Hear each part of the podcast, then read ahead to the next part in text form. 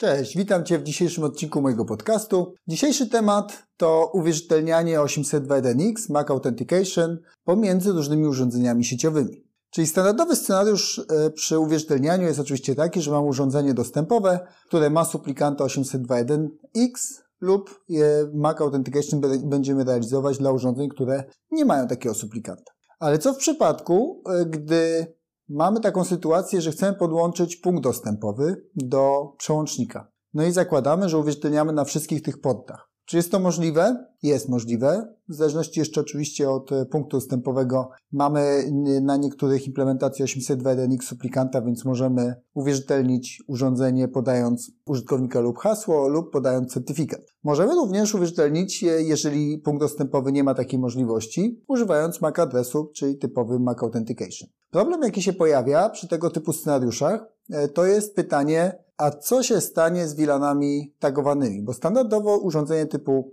punkt dostępowy może działać tylko w jednym VLANie. I tutaj problemu wtedy nie ma. Ale w bardziej rozbudowanych implementacjach mamy e, różne VLANy przydzielone na podstawie różnych zasad albo przydzielone do różnych profili SSID. No i wtedy, jeżeli uwierzytelniamy taki punkt dostępowy na przełączniku, no to powinniśmy dopisać do tego profilu również tagowane VLANy. I to jest również możliwe. Natomiast pojawia się pewien problem, polegający na tym, że użytkownicy raz się muszą zalogować do punktu wstępowego, zostają przydzieleni do odpowiedniego profilu i do odpowiedniego VLANu, a następnie będą e, proszeni o uwierzytelnienie ponowne na przełączniku. No i tutaj też w zależności od e, konfiguracji tego klienta końcowego e, można to wykonać. Może to być również przedłużanie tego procesu uwierzytelniania. Niekoniecznie jest to jakiś najbardziej optymalny E, sposób, jeżeli chodzi o stronę funkcjonalną. Natomiast jeżeli chodzi o stronę bezpieczeństwa, no to jest to lepszy sposób podłączenia e, niż po prostu na stałe przyłączenie odpowiedniego profilu e, VLANów tagowanych, nietagowanych na tranku. No bo wtedy niezależnie od tego, co podłączymy do tego nieuwierzytelnianego portu, będzie miało dostęp do odpowiednich VLANów. Wróćmy więc do scenariusza z uwierzytelnieniem. Opcje są typowo dwie. Możemy uwierzytelniać 802.1x na per port, i wtedy, jeżeli pierwsze urządzenie, które się uwierzytelnia, przejdzie to, to uwierzytelnianie prawidłowo, to przypisujemy pewien profil na port. E, I wtedy możemy oczywiście przekazywać cały ruch, który idzie z tego access pointa już bez kolejnych etapów uwierzytelnień.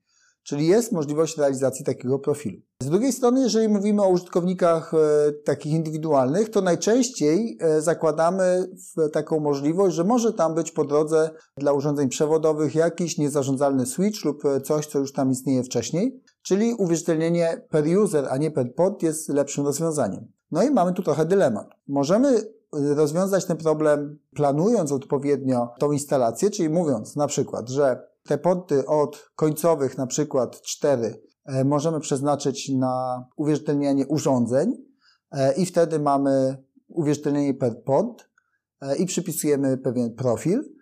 Lub też mamy możliwość pozostałych, a pozostałe porty możemy przypisać w trybie uwierzytelnienia per użytkownik, czyli każdy osobny MAC adres będzie uwierzytelniany jako MAC Authentication i każdy suplikant osobno dostanie profil swój przydzielony do odpowiedniego VLANu. E, więc można te dwie rzeczy również połączyć. Trzeba tylko się zastanowić, jak chcemy to zrealizować, jakie są nasze potrzeby w danym konkretnym scenariuszu. E, na pewno nie jest e, specjalnie, jak już wspomniałem, optymalne łączenie dwóch etapów uwierzytelnień, więc jeżeli podłączamy urządzenia zewnętrzne, to lepiej jest przełączyć typ uwierzytelniania per pod, a jeżeli uwierzytelniamy użytkowników, to tryb uwierzytelniania per użytkownik. Mam nadzieję, że to trochę Ci pomoże, jeżeli zastanawiasz się nad tego typu zagadnieniami.